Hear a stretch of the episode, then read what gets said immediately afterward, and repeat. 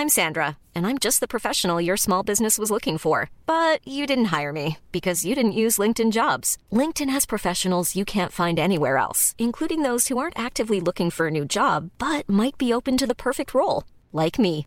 In a given month, over 70% of LinkedIn users don't visit other leading job sites. So if you're not looking on LinkedIn, you'll miss out on great candidates like Sandra. Start hiring professionals like a professional. Post your free job on linkedin.com/people today. Burrow is a furniture company known for timeless design and thoughtful construction and free shipping, and that extends to their outdoor collection.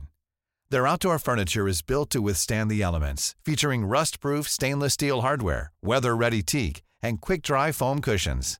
For Memorial Day, get 15% off your Burrow purchase at burrow.com slash ACAST and up to 25% off outdoor. That's up to 25% off outdoor furniture at burrow.com slash ACAST. Millions of people have lost weight with personalized plans from Noom, like Evan, who can't stand salads and still lost 50 pounds.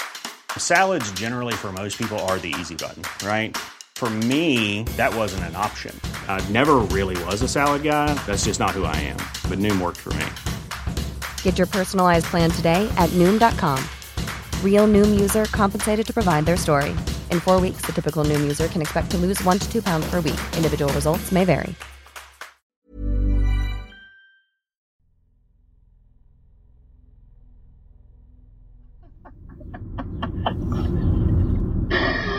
Jag pallar inte. I början av våren 2018 gör den 23-åriga influencern Abbe Blattelito och hans 29-åriga flickvän Annie slut med varandra efter ett drygt halvår långt förhållande. Abbe har i ett brev skrivit att han är ledsen för att han har kommit in i hennes liv och att hon aldrig mer ska behöva se honom igen. Han skriver också att han därför ska blockera henne överallt och tänker bryta kontakten med henne helt. Men problemet är att Abbe och Annie äger en bil tillsammans som dragit på sig höga löpande kostnader såsom reparationskostnader och en dyr försäkring. Bilen har lett till stora konflikter och Abbe har många gånger vägrat betala sin del av kostnaderna. Till stor del för att han helt enkelt inte har så mycket pengar att röra sig med. Och Annie har gång på gång fått lägga ut för honom. Annie accepterar att förhållandet är över men hon accepterar inte att Abbe i sitt datorskrivna brev nämner att han ska bryta kontakten helt. Hon behöver fortfarande ha kontakt med honom för att kunna få pengarna han är skyldig henne. Vid 17-tiden den 25 april ringer Annie upp honom då Abbe sitter i en bil tillsammans med sin nya flickvän Linda. Du sa till mig senast för några veckor sedan nej. Du sa, du vet min situation. Du sa till mig för några veckor sedan. Eh, Alltså eh, jag pissar på din situation. Jag bryr mig. Lyssna på mig. ett vanligt jobb som normala människor. lyssna på mig. Abbe använder sig av Lindas telefon för att spela in samtalet med Annie eftersom han vill dokumentera det som sägs. Och Annie är beslutsam. Hon har fått nog och kräver att Abbe ska betala det han är skyldig henne. Du sa till mig, du, alltså. du sa till mig, eh, säg upp kontakten med henne så, så kan vi Abbe lösa det sluta här. dra in henne! Sluta dra in henne, jag bryr mig inte. Sluta dra in familj, sluta dra in henne. Jag bryr mig inte. Okej? Det handlar inte om dem. Jag har gett dig tre månader att lösa problemen. Du har inte gjort det. Dagen är kommen när jag har fått nog. Annie? Jag tänker inte vänta mer nu. Lyssna, jag kommer inte ens prata med dig mer. Du ger mig bara huvudvärk. Lös det som du har ställt till med. Låna pengar av någon. Fixa det på något sätt. Och så är det klart. Du, du, du, du får du träffa mig idag. Vad är det jag ska träffa dig för? Då löser vi det idag för jag vill inte ha kontakt med dig sen. Senare denna kväll, runt 12-tiden, ringer Annies kompis Atosa upp henne. Annie ligger då i sin säng i sin lägenhet på Törnbacken 8 i Solna. Där hon bor tillsammans med sin två och ett halvt-åriga dotter. Ja, alltså vi pratade lite om allt möjligt. Vi pratade om bilen, om vad hon hade, vad hon tänkte göra och det här med lånet och pratade om att hon vill ha sina pengar, hon är trött på det här. Jag frågade, är det någon som har skrivit? Jag frågade, har Abbe svarat tillbaka? Nej, han är helt tyst, säger hon. Han svarar inte, han kommer nog inte höra av sig mer, säger hon. Och även deras samtal kretsar mycket kring Abbe och problematiken med bilen. Fram till det att Annie plötsligt tycker sig höra något som oroar henne. Och då efter en stund säger hon tyst, tyst, jag hör något. Och jag säger till henne, alltså jag får obehaglig känsla i magen och jag säger Annie du kommer bli dödad. Och då säger hon varför tror du det? Jag bara, men jag, alltså det, det, blir så, det är så mycket hot just nu känner jag. Och då säger hon, hur tror du jag blir dödad? Jag säger, jag vet inte. Hon bara, jag blir inte ledsen, säg bara sanningen. Hur tror du? Jag bara, jag vet inte, men någonting kommer hända nu. Alltså gör inget mer, håll inte på, säger jag till henne. Och då säger, sen säger hon, nu får du vara tyst, tyst, tyst. Jag bara? Det här var ganska sent in på natten då. Innan, strax innan vi lägger på. Eh, hon bara, jag är hundra på att han står bakom min dörr, säger hon. Då var, hon var tyst, jag, jag fick inte prata. Och det blev tyst ett tag. Jag bara, "An- Annie, hallå, vart är du? Då kom hon tillbaka och bara, nej, det var inte han. Jag bara, är du säker? För jag fick en obehaglig känsla i magen. Eh, då säger hon, nej, jag tror att det var grannen. Och då säger jag, är du säker på att det var grannen? Ja, men jag tror att det var grannen. Det är inte Annis granne som är utanför lägenheten. Utan det är hennes expojkvän Abbe Blattelito. Senare denna natt avlider Annie. Och dödsfallet klassas först som ett självmord för att sedan utredas som mord. Och Abbe kommer i tingsrätten dömas för det här mordet. Men sedan frias från det i hovrätten. Och det här har bidragit till att fallet om Abbe Blattelito blivit ett av de mer uppmärksammade fallen i Sverige på senare tid. Jag tror att det här är väl, eh, jag tror många poliser pratar om att man har en händelse som är med en hela yrkeslivet och det här är väl nog den. Eh, eh, har vi missat ett mord? Du lyssnar på Rättegångspodden och på den första av tre delar om Abbe Blattelito och kvinnan i badkaret. Mitt namn är Nils Bergman. På sociala medier så gav han ett sken av ett liv i lyx. Men polisens utredning visar att det hela till stor del varit ett luftslott.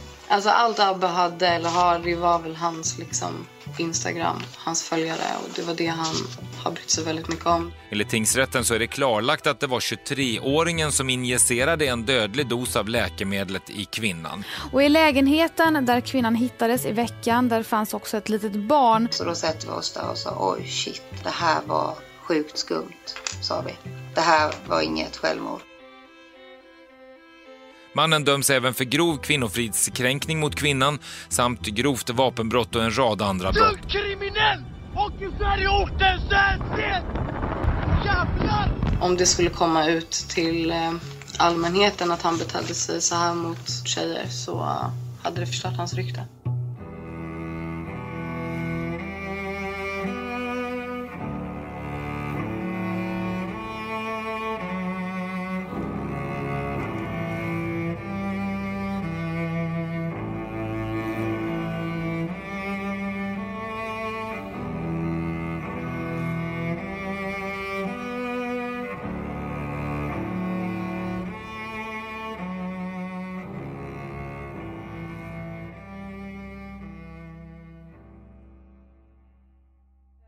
Vi vaknade, när vi hade lämnat barnen på skola och dagis.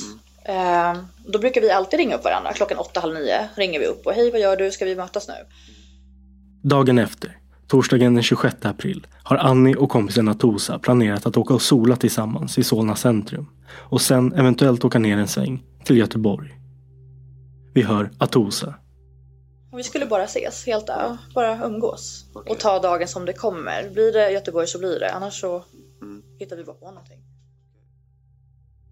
Atosa lyckas dock inte få tag på Annie trots upprepade försök.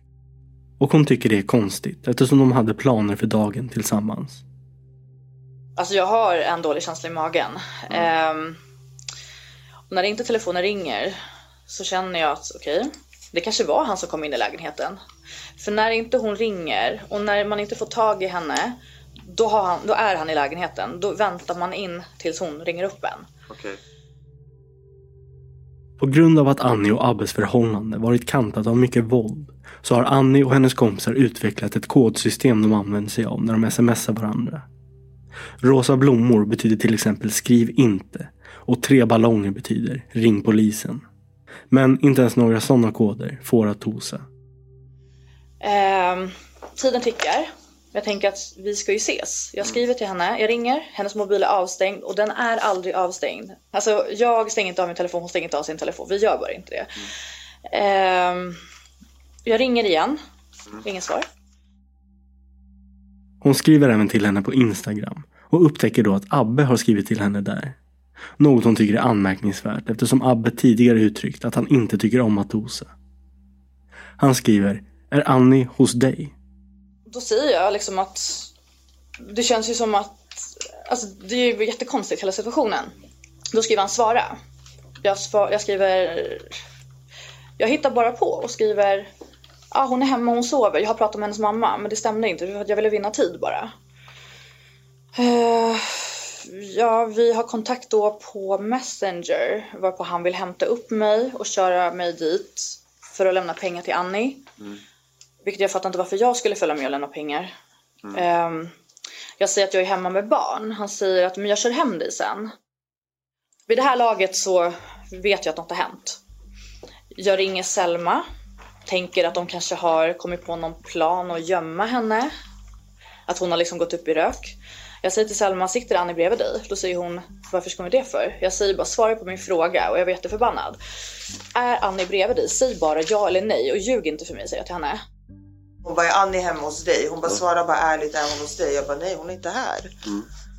Atosa ringer till deras andra gemensamma vän Selma och förklarar att Abbe kontaktat henne och bett henne följa med honom för att lämna pengar till Annie.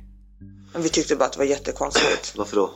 Men varför ska hon följa med hem till alltså Annie? Det är inte som att de är vänner, Atosa och Abbe. Att han ska ringa henne och ta med henne. Mm. Kan du beskriva det lite mer? Varför det är konstigt så att, säga, att de inte var vänner? Nej men de hade ingen relation till varandra på det sättet så varför ska han ringa henne och ta med sig henne hem till Annie för att han ska lämna pengar? Mm. Hela grejen var ju jätteskev. Mm. Så jag sa bara det till henne, jag bara, det är klart du inte ska följa med. Jag, bara, jag, jag vill inte säga någonting men jag tror han är död. Mm. Hon säger varför tror du det? Jag bara, jag har en dålig känsla för att det, alltså det som hände igår, hennes samtal, det var liksom, det var så mycket hot.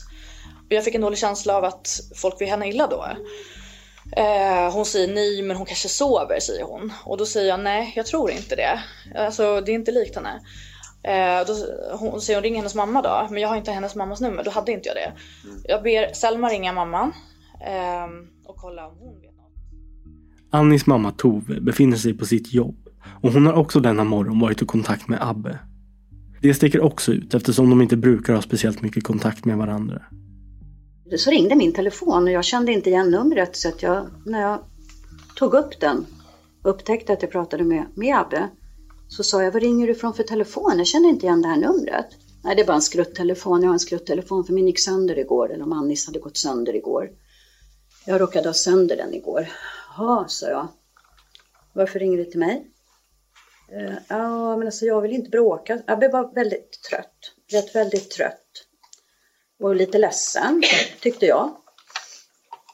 Och sa att jag vill inte bråka, jag vill bara komma hem till dig och eh, träffa Annie.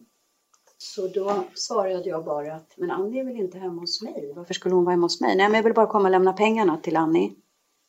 Jaha, sa jag. Då började min hjärna, eftersom jag är lite orolig av mig i det här, så då så gick det i 300 varför skulle Annie vara hemma hos mig? En konstig fråga. Så då sa jag, ja hon svarar inte i telefon Sabbe. Hon svarar inte när man ringer. Ja, vad konstigt, så jag. Då ringer jag och den gick på mobilsvar. Och då ringer Selma. Och Selma ringer aldrig till mig heller och säger Tove, Tove jag är jätteorolig, Annie svarar inte, vi ska träffas, jag får inte tag i henne. Vet du vad hon är? Tove säger att Abba har ringt henne också och får inte tag på Annie och att han vill komma över och lämna hennes pengar. Mm. Hon var med Selma, kan du inte snälla åka till Annie? Uh, jag bara, nej jag kan inte göra det, jag är ensam på restaurangen, jag kan inte lämna mitt jobb. Ja. Tove ringer till sin man Matt som befinner sig på affärsresa i London och ber honom att testa att ringa Annie. Därefter ringer hon till dagiset där Annies dotter går för att kolla om dottern är där. Vilket hon inte är. Tove blir mer och mer orolig då plötsligt Abbe ringer upp henne igen och säger att han står utanför Annies lägenhet. Då ringde Abbe igen efter en liten stund och sa att eh, Annie svarar inte och fattar inte att hon ska öppna dörren. Och det är ingen som öppnar. Men där inne, hon öppnar inte dörren. Ja, då ringer du ambulans eller polis. Annars gör jag det nu. Ja, jag ska göra det. Klockan är kvart över två på eftermiddagen då Abbe ringer 112. Han uppger för larmoperatören att han tidigare bott i den här lägenheten. Att han nu är där för att lämna pengar för en räkning men att hon som bor där, Annie, inte öppnar dörren. Han uppger att han ser Annies två och ett halvt-åriga dotter genom brevinkastet som han försöker få kontakt med. Han uppger också att det här har hänt förut. Att Annie tagit en överdos av smärtstillande tabletter och fått åka in till sjukhus. Men då var hon vid medvetande och kunde öppna dörren för honom. Men att han nu, denna gång, har panik. På grund av den här bakgrundshistoriken om överdoseringen skickar larmoperatören ut både en ambulans och en polispatrull. Jag tror att det här är väl, eh, jag tror många poliser pratar om att man har en händelse som är med en hela yrkeslivet och det här är väl nog den. Vi hör polisen Martin. Det är han och hans kollega Sanne som får i uppdrag att åka till adressen Törnbacken 8 i Solna. Under tiden så får vi lite mer information att det finns en eh, intoxhistorik på adressen. Mm. Och då tolkar jag det som att är överdos av något slag. Aha, vi har varit där förut eller sjukvården har varit där förut. Ja. Vi går in eh, i entréporten och det jag hör då är att en man skriker. Det hör man direkt nere vid entrén. Och jag tänker bara, vad är det egentligen vi är på väg till? Vi kommer närmare och närmare upp och eh, när vi kommer upp till den våningen det handlar på så ser vi eh, Abbe då eh, sitta på huk längs med bredvid dörren. På något sätt så får jag reda på att eh, det är ett barn inne i lägenheten. Mm. Då går jag och kollar i eh, brevinkastet på dörren, öppnar det och mycket riktigt så är det ett par nakna fötter jag ser där och en liten tjej Mm. eh, som eh, står där och eh, jag ställer ett par frågor till henne. Det mynnar ut i att vi tar beslut om att vi ska bryta upp dörren. Annis mamma Tove är nu också på väg mot lägenheten och hon befarar det värsta. Visste, jag visste vad som hade hänt. Jag var helt säker. Det var en sån här skräck... Ja, det värsta. Jag måste tänka på det värsta. Samtidigt har en insatsstyrka anlänt och slår in dörren på några sekunder. Och poliserna Martin och Sanne kan kliva in. Men jag går i alla fall före min kollega från insatsstyrkan och eh, tittar fram till henne. Och när jag är där så tittar jag in i badrummet och där ser jag eh, ja, men direkt badkaret eh, fyllt med vatten och jag ser en naken kvinna och eh, hennes hår eh, böljade i vattenytan så jag såg inte ansiktet. Men jag tar tag i hennes eh, vänstra överarm eh, runt biceps och ruskar eh, tag i kroppen och eh, hela kroppen rör sig, det är helt stelt och hela kroppen rör sig simultant liksom. Så jag, jag upplever som att eh, det likstelheten har slagit in. Och eh, jag hör att det börjar vara, lite ljud i hallen igen så jag går ut och tittar och då är det ambulansen som har kommit. Och, eh, jag säger väl något kort. Hon är helt stel eller hon ligger i badkaret helt stel eller något sånt. Och då säger han att eh, hon är redan död.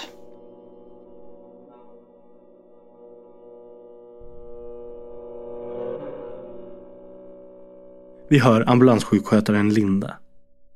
Hon kliver in i badrummet och ser där några nedbrunna värmeljus, en halvfull ask jordgubbar som ligger på golvet och Annie sittandes ihopkurad i badkaret. Det jag minns var ju liksom att hon hade böjda knän.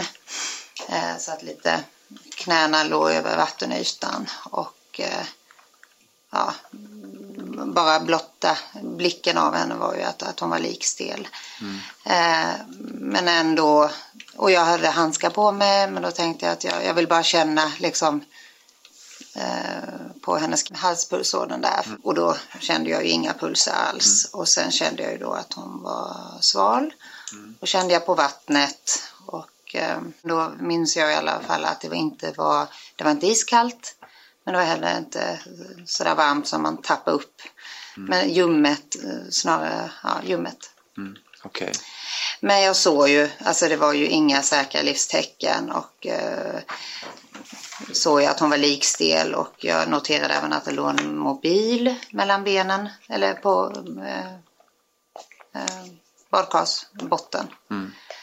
Eh, Okej. och, eh, och då sa jag, nej, ja det stämmer, jag Eh, död vid ankom som vi har liksom lite som ett uttryck och då vänder jag mig till polisen och säger att eh, ja, inga livstecken sådär, för då blir det polisiärt sa jag. Och normalt sett då kan ju vi avvika för då tar de över. Linda har under hela vistelsen i lägenheten plasthandskar på sig eftersom hon alltid tänker på att platserna hon är på kan vara brottsplatser. Men poliserna Martin och Sanne kommer inte bedöma den här platsen som en brottsplats. Och därför är det heller inga problem med faktumet att Abbe sitter i vardagsrummet tillsammans med Annis dotter. Vid ett av borden ligger en karta tramadoltabletter som Abbe noterar. Och han frågar polisen Martin om han skulle kunna få ta de tabletterna eftersom de tillhör honom. Jag tror han sa någonting i stil med Kan jag ta de här? Då sa jag Nej, du kan inte ta dem. Och eh, jag minns att jag tog dem med mig in till matbordet. Eh, och jag ser också in då i, i, på vardagsrumsbordet så ligger det massa sprutor. Ambulanssjukskötaren Linda går nu också fram till Abbe. Och då så svarar han att eh, är hennes po- ex-pojkvän. Han så var, var inte ledsen. Han, jag har jobbat 29 år i vården, träffat rätt mycket chockade människor. Och så, alltså man, man kan ju te sig rätt olika såklart i ett, i ett chockbesked. Men, men det, var, det, var rätt, det var rätt kallt, det var ingenting, det var rätt tomt. Det blev inte intuitivt av mig att man lägger en hand ja, men på, en, på ett knä. Jag beklagar och sådär för, för det var liksom något som inte stämde.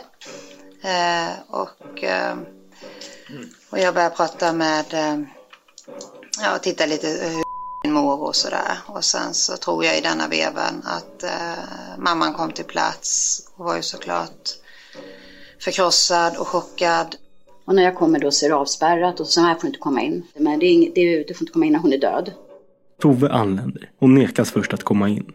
Men berättar att hon är Annis mamma och släpps då in. Ja, men så frågade de om jag ville, om jag ville gå in i badrummet. Och det tackade jag nej till. Däremot så sa jag vill ha hit. Nej, det får du inte nu. Nähä.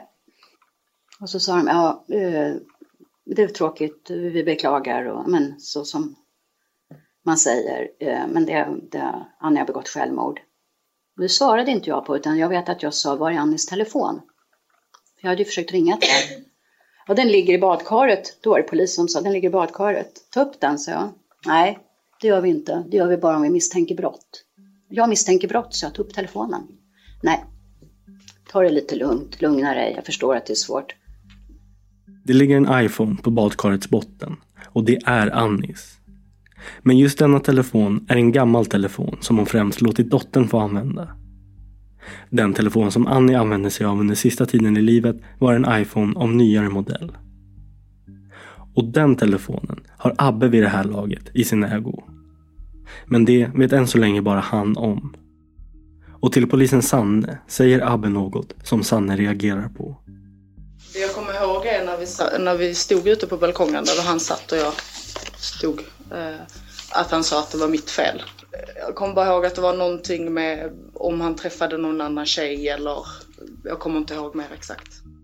I Sannes PM står det ordagrant citat. Abbe säger att det är hans fel att Annie är död. Men han kan inte svara på varför.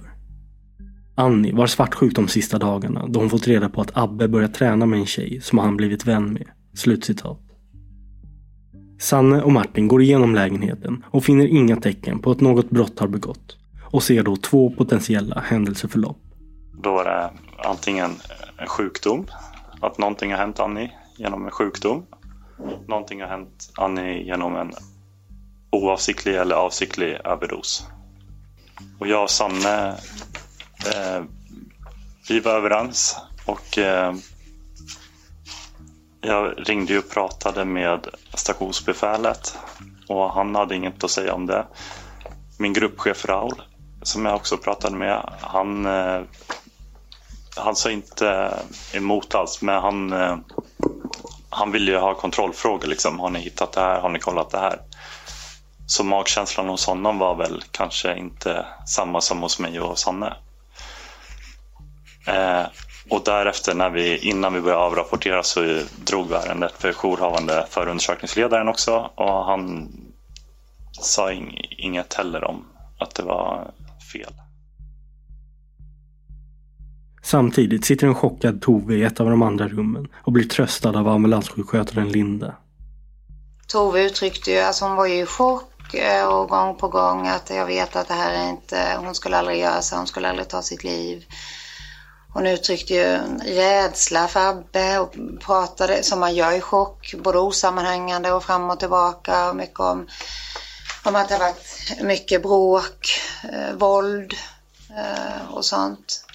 Eh, och jag fick ju liksom känslan att här inne ska inte Abbe vara i alla fall. Hon ska inte behöva komma in till Tove och Tove ska inte behöva för att det, det, det var en stark mm. känsla att hon kände rädsla och hon även uttryckte ju då för mig också att äh, Eh, hon har inte, hon har inte begått, begått något självmord. Hon mådde bra. Jag träffade henne igår, eller hon ringde igår och allt var okej. Inga uttryckte att, att hon inte uttryckte att hon mådde psykiskt dåligt eller något somatiskt.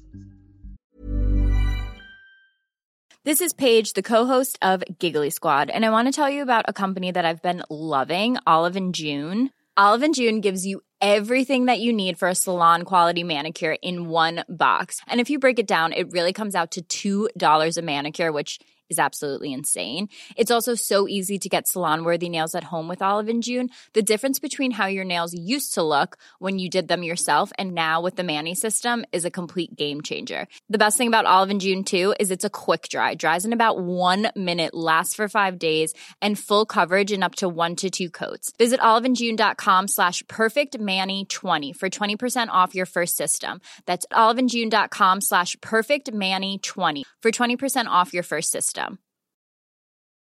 Ryan Reynolds here from Mint Mobile. With the price of just about everything going up during inflation, we thought we'd bring our prices down. So to help us, we brought in a reverse auctioneer, which is apparently a thing. Mint Mobile unlimited premium wireless. Have to get 30, 30, bit to get 30, bit to get 20, 20, 20, bit to get 20, 20, bit to get 15, 15, 15, 15 just 15 bucks a month. So, Give it a try at mintmobile.com/switch. slash $45 up front for 3 months plus taxes and fees. Promo for new customers for limited time. Unlimited more than 40 gigabytes per month slows. Full terms at mintmobile.com.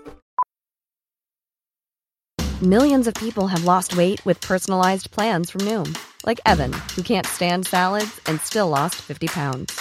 Salads generally for most people are the easy button, right? For me, that wasn't an option. I never really was a salad guy. That's just not who I am. But Noom worked for me. Get your personalized plan today at Noom.com. Real Noom user compensated to provide their story. In four weeks, the typical Noom user can expect to lose one to two pounds per week. Individual results may vary.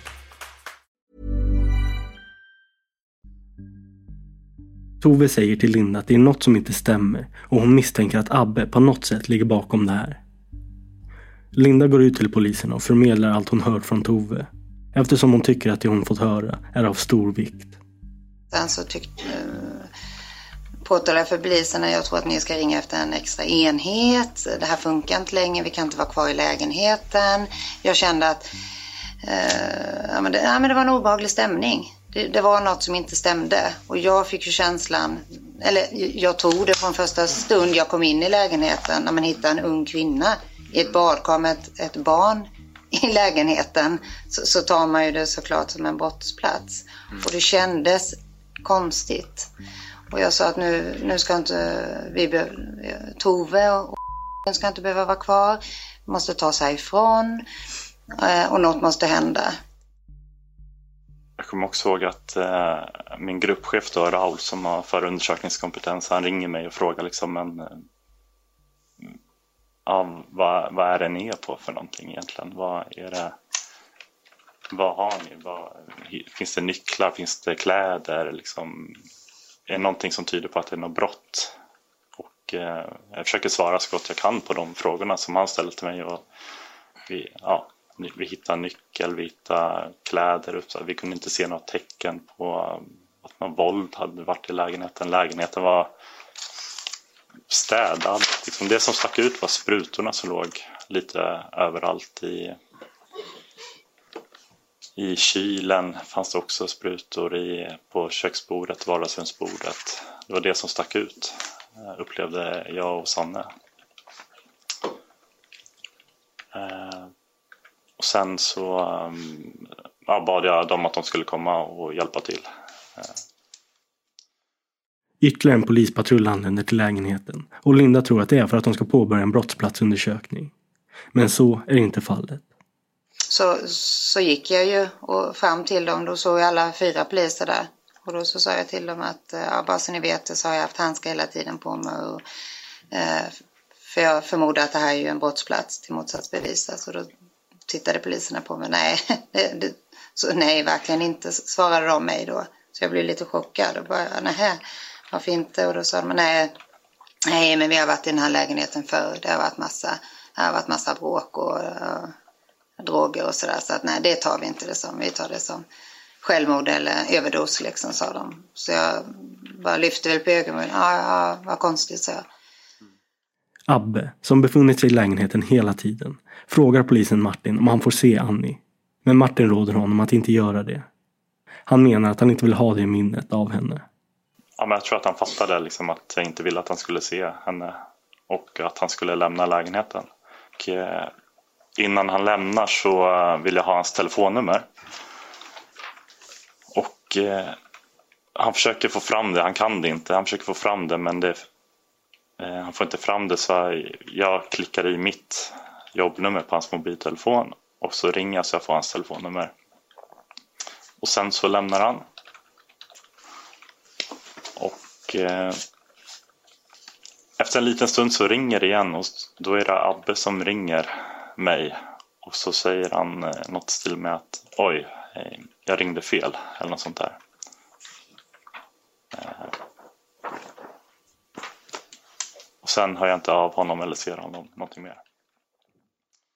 Samtidigt i London har Annis pappa Mats inte hört någonting från Tove på ett bra tag och blir nu själv väldigt orolig. Otydlig på tids, tidsbegreppet men det måste ha gått en timme eller en och en halv. Så ringer jag Toves jobb och då säger hennes kollega hon, hon, eh, hon, det var någon som ringde och hon hoppade in i en bil och försvann. Ja, oh, shit, tänkte jag, det här låter inte bra alls. Så, så ringer jag flera gånger på mobilen, hon kommer inte fram. Och så till slut då så svarar Tove och då är hon helt eh, i det blå. Liksom, ja, ja, jag kan inte prata. Så, men som stopp, du måste prata, jag måste, vad är det som händer för någonting? Då gav hon telefonen till ambulanspersonalen. Så då talade om för mig att hon var död. Mm. De hade hittat henne i, i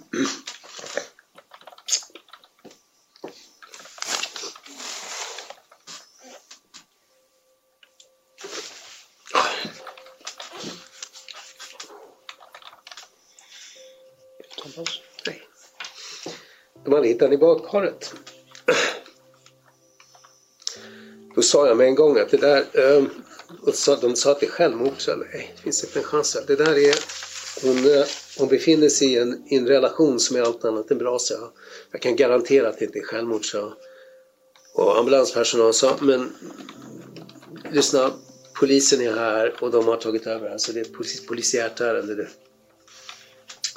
Ehm, och så då ringde jag tillbaks till min son.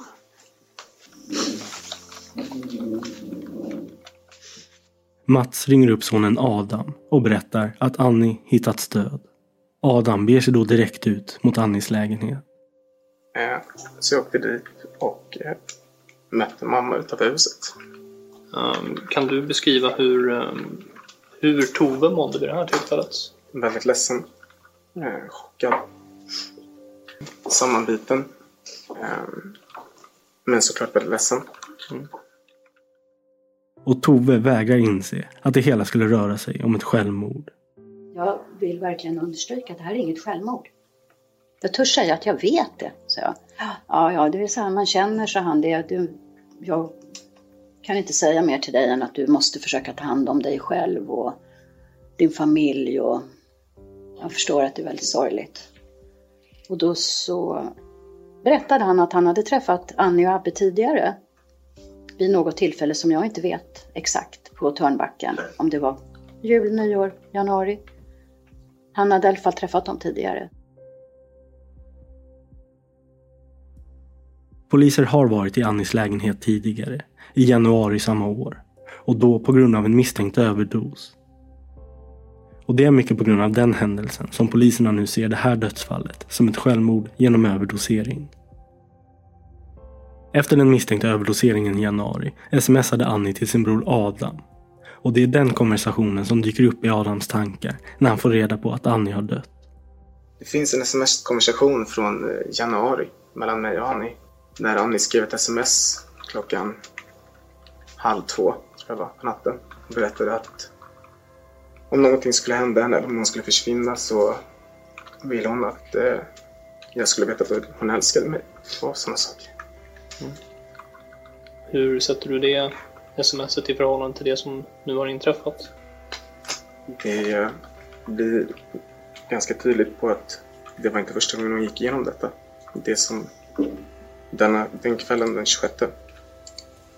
Då menar du att hon skulle blivit utsatt för någonting tidigare eller? Ja.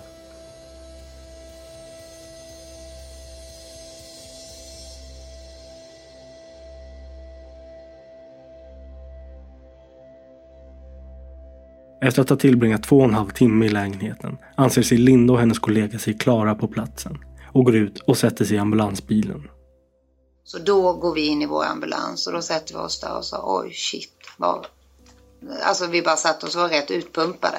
Vi hade varit där så länge i lägenheten och det var liksom det var en väldigt konstig situation och vi båda tittade på varandra direkt efter och bara tittade. Det här var sjukt skumt, sa vi. Båda två och tittade på varandra.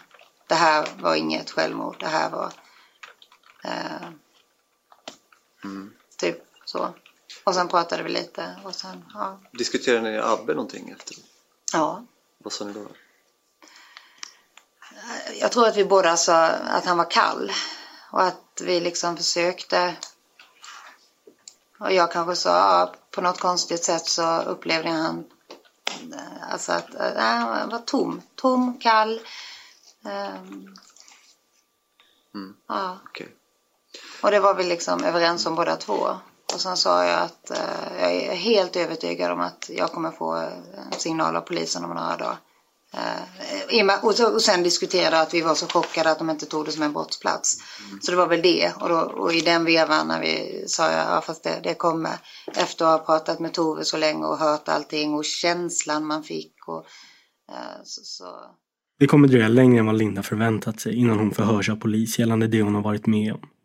Närmare en månad.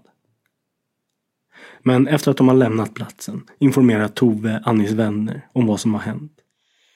Eh, då skickar eh, Selma ett sms och skriver hon är död. Jag tänker att Selma bara skriver så för att få min uppmärksamhet för att jag ignorerat 10 liksom, sms. Vilket jag tycker var osmakligt. Och jag säger, men är du dum i huvudet som skriver en sån här grej till mig? Jag ringer upp henne och hon säger hon är död. Att hon sa hon är död, du hade rätt. Eh, jag kan inte tro det här så jag ringer Tove direkt och frågar. Jag tycker det här är jättesjukt men stämmer det här jag får höra? Och det stämmer. Sen vart jag... Det är kompisen Selma som meddelar nyheten till Atosa. Och Selma får vid den här tiden även kontakt med Abbe. Är du kvar på restaurangen sen eller hur? Jag är kvar på restaurangen, jag ringer in en ersättare såklart så fort jag får reda på det här. Och i samma veva så ringer Abbe min telefon och vill komma förbi restaurangen och prata om det här. För att hon har hittat stöd. Ja. Och jag säger det till honom, jag bara kom inte hit. Varför då? Nej men alltså jag vet ju inte vilket tillstånd han är i. Ska han komma till min restaurang när jag är ensam tjej där och jobbar? Det kändes ju bara jättefel. Så eh, jag mötte upp honom i Rinkeby vid bensinstationen istället. Vad gjorde? Hörde vad han hade att säga. Och vad hade han att säga då? Vad? Nej men han var ledsen över att hon var död. Ja. Mm. Okej, hur upplevde du honom då? Han var också lite så okontaktbar. Han var inte så närvarande. Han kändes kanske lite påverkad. Hur menar du då? Nej men det såg ut som att han var lite halvt drogpåverkad. Okej, Ja. okej. Fast det ju inte jag bedöma så. Han var jätteledsen. Det var han. Jag förstår. Ja. Och eh, eh, det här med att han ringer till dig då. Mm. Vad, var- vad var dina tankar kring det? Alltså sanning, jag hade inte så mycket tankar. Jag ville bara höra vad han har att säga. Ja, Ja. okej. Mm. Mm. Brukade ni ha kontakt? Jag och Abbe? Nej, absolut Varför inte. ringer han till dig då? Vet du det? Ingen aning. Både Atosa och Selma upplever det som konstigt att de under dagen blivit kontaktade av Abbe. Både före och efter själva dödsbeskedet. Och det är svårbegripligt för samtliga personer i Annis närhet att Annis död skulle röra sig om ett självmord. Det finns helt enkelt inte på kartan enligt dem. Jag visste ju i princip ingenting. Jag kände bara så otroligt starkt att, att självmord, det, det, liksom, det strider mot allt jag tror på. Och allt jag känner, allt Annie står för också. Speciellt med hemma och så här, det är liksom... Det var helt orimligt för mig att ens ta in det. Jag tror inte att eh, hon skulle ta sitt liv med hennes barn i lägenheten framför mig. Inte? Nej. Varför då? För att hon kände sig inte självmordsbenägen eh, för fem öre. Hon älskade livet. Och sen tror jag aldrig att hon skulle göra det framför sitt barn. Så. Nej, Hur deprimerad man än är, det tror jag inte. nej, okej. Hon skulle aldrig göra det. Varför då? För att hon är den gladaste människan jag kände. Ja. Faktiskt. Okej. Eh, har du någonsin liksom pratat om det? Eller? Nej, aldrig. Aldrig? Nej, hon skulle aldrig lämna sitt barn heller. Nej. Det är inget självmord. Då Mm. säger hon varför tror du det? Det är inget självmord. Då säger jag leta upp den här polisen. Hon har gjort en anmälan hos som inte gått igenom. När ni får reda på det, då förstår ni själva att det inte är ett självmord säger jag. Och liksom, de ringde mig flera gånger den dagen när hon hittas död. Och kan du beskriva lite mer och vad heter polisen? Jag, kom, jag visste att det var något lite annorlunda namn men jag kunde inte komma på namnet. Och jag sa att namnet står, hon har en lapp i sin plånbok med hans namn och telefonnummer på. Om ni hittar hennes plånbok så hittar ni namnet till polisen i Sollentuna. Det ovanliga namnet på polisen som tidigare träffat Annie är Denny. Några månader tidigare träffade han Annie på polisstationen där hon var för att anmäla Abbe för misshandel. Jag tänkte Danny, du hade ju eh, kontakt med Annie i mars förra året i samband med att hon var inne på stationen och ville berätta om sin situation. Ja, det stämmer. Och eh, jag skulle vilja bara att du med egna ord först berättar om, om ja, egentligen vad hon, vad hon berättade om och, och, och hur du upplevde henne där. Så kan jag ställa lite frågor till dig därefter. Ja, hon kom till polisstationen i Solna där jag för den stunden så att säga tjänstgjorde på krimjouren och eh, fick i uppdrag att gå ut till receptionen och ta hand om en kvinna som hade kommit dit och ville, som jag fick initialt sett, att hon ville göra en polisanmälan. Och eh, jag tog in henne i ett rum och ja, förbereda för att ta upp en polisanmälan. Eh, och vi började prata, vi pratade ganska länge.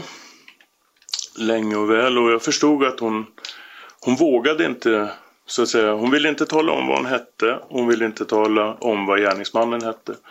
Och hon berättade att hon hade varit utsatt för att hon hade fått håret avklippt och att hon hade blivit knivhuggen. Och, eh, men trots det då så ville hon, eller vågade inte, som jag uppfattade det, att hon inte vågade berätta någonting om sig själv eller vem det var som hade gjort det här. Hon berättade också att hon hade blivit försatt i skulder över någon bil. Ehm, hon berättade att hon hade blivit tillsammans med den här killen och eh, vid halloweenhelgen då samma år så var det första gången hon hade blivit slagen. Okay. Och att det hade, sen hade det pågått med, det var hot, alltså inga specificerade hot som hon Nej. presenterade för mig där och då utan mer att, att det var vardag för henne. Och eh, ja, vi pratade fram och tillbaka om hur vad som skulle kunna hända, vilken påföljd det skulle kunna bli, vilken hjälp hon skulle kunna få. Så att, eh, ja, det var, det var, vi satt länge och väl i alla fall. och Jag kommer inte exakt ihåg hur länge. Just. Eh, hur upplevde du henne där liksom? Rädd. Otroligt rädd. Skakade i kroppen som av stress. Så här liksom. Okej. Grät. Eh, jag fick uppfattningen att det var äkta. Ja. Hon var genuint rädd. Ja. Tove kan som sagt inte släppa att det skulle röra sig om ett självmord och fortsätter tillsammans med Annis vänner att ligga på polisen om att starta en mordutredning. Jag kunde inte tänka på något annat än att det här inte var något självmord. Jag, kände, jag kunde inte tro det, för det kändes som att gud, jag hade åtminstone fått ett brev eller någon förklaring, någonting. Så då ringde jag upp den här polisen, för jag fick hans telefonnummer. Så ringde jag till honom och så sa jag, jag vet inte om du lyssnade på mig ordentligt, så jag, men jag vill ändå säga en gång till att jag tycker ni ska... Har ni låst dörren, sa jag. Är dörren låst? För jag vet att Abbe har gjort kopior på Annis nycklar vid ett annat tillfälle. Om det fanns det nu kan inte jag säga, men jag tänkte att om det inte är ett självmord så kanske inte så bra att gå in i den där lägenheten. Då sa han att jag skulle lugna mig igen och att han skulle inte vara med i den här utredningen längre. Han skulle eh, göra något annat imorgon. Inte, inte vara med i det här. Så att, eh, men jag kan förmedla det till någon, det du säger, sa han. Um, ja, sen, var det, sen var det lite kaos. Mm, förstår det. Uh, jag, jag, jag vet inte om det var på fredagen eller lördagen som det kom i Aftonbladet. Det kallades för badkarsincidenten eller badkars, självmordet i badkaret, någonting sånt där hette det. Och då sa jag till Mats, eller om det var Mats som sa till mig, titta det är liksom redan i Aftonbladet eller mm. Eh, vi pratade om det och sen eh, ringde jag till min, eh, en god vän som heter Thomas och berättade, det gjorde jag redan på kvällen, vad som hade hänt. Och eh, jag tror att det var dagen efter eller på lördagen som Thomas kontaktade någon som höll på med det här ärendet som hette Magnus. Som inte heller visste om det var låst och tillbommat på den här adressen. Ehm, och då hörde en kvinna av sig som hette Diana och sa att vi skulle komma till eh, Solna polisstation för ett förhör därför att de hade omrubricerat självmordet till ett, ett mord. Okay. Det visar sig att flera poliser tycker att omständigheterna kring Annis död är anmärkningsvärda, vilket föranleder många diskussioner. Och den 27 april inleds en förundersökning gällande mord Misstänkt självmord i Solna utreds nu som mord och dödsfallet det betecknades först som självmord men nu har polisen inlett en mordutredning. Ja, det här är Aftonbladet TV som ni följer. Det byts nu lås på dörren till lägenheten och efter ytterligare ett par dagar görs det en brottsplatsundersökning. Men det viktiga första dygnet för kriminaltekniker har redan gått förlorat, vilket försvårar eventuell spårsäkring. Förhör med de inblandade planeras in, bland annat med Abbe. Men han plockas upp av polis redan följande måndag. Men inte på grund av Annis död, utan för att hans nya flickvän Linda ett par veckor tidigare anmält honom för misshandel. Det är det brottet han åker in till polisstationen för följande måndag. Och där kommer han bli kvar under väldigt lång tid. För under tiden han är häktad misstänkt för misshandel delges han även misstanken om att ha mördat Annie. Fan, nu kommer de kolla igenom hennes telefon och eh, se alla hot, sms och alla konversationer vi haft med varandra som är inte bra. Och då berättar hon att hon har blivit, eh, att hon hamnat på akuten, blivit magpumpad eh, för att han har tryckt ner tabletter i hennes hals. Han hugger henne med kniv då? Ja, ja, vi har ju allting dokumenterat. Mm. Och så sa han att om de tar mig och om de häktar mig så måste vi hålla oss till samma story. Du har lyssnat på Rättegångspodden och del 1 om Abbe Brattelito och kvinnan i badkaret. Ansvarig utgivare är Jonas Häger. Researcher och klippassistent Albin Håkansson. Och mitt namn är Nils Bergman. Tack för att ni har lyssnat.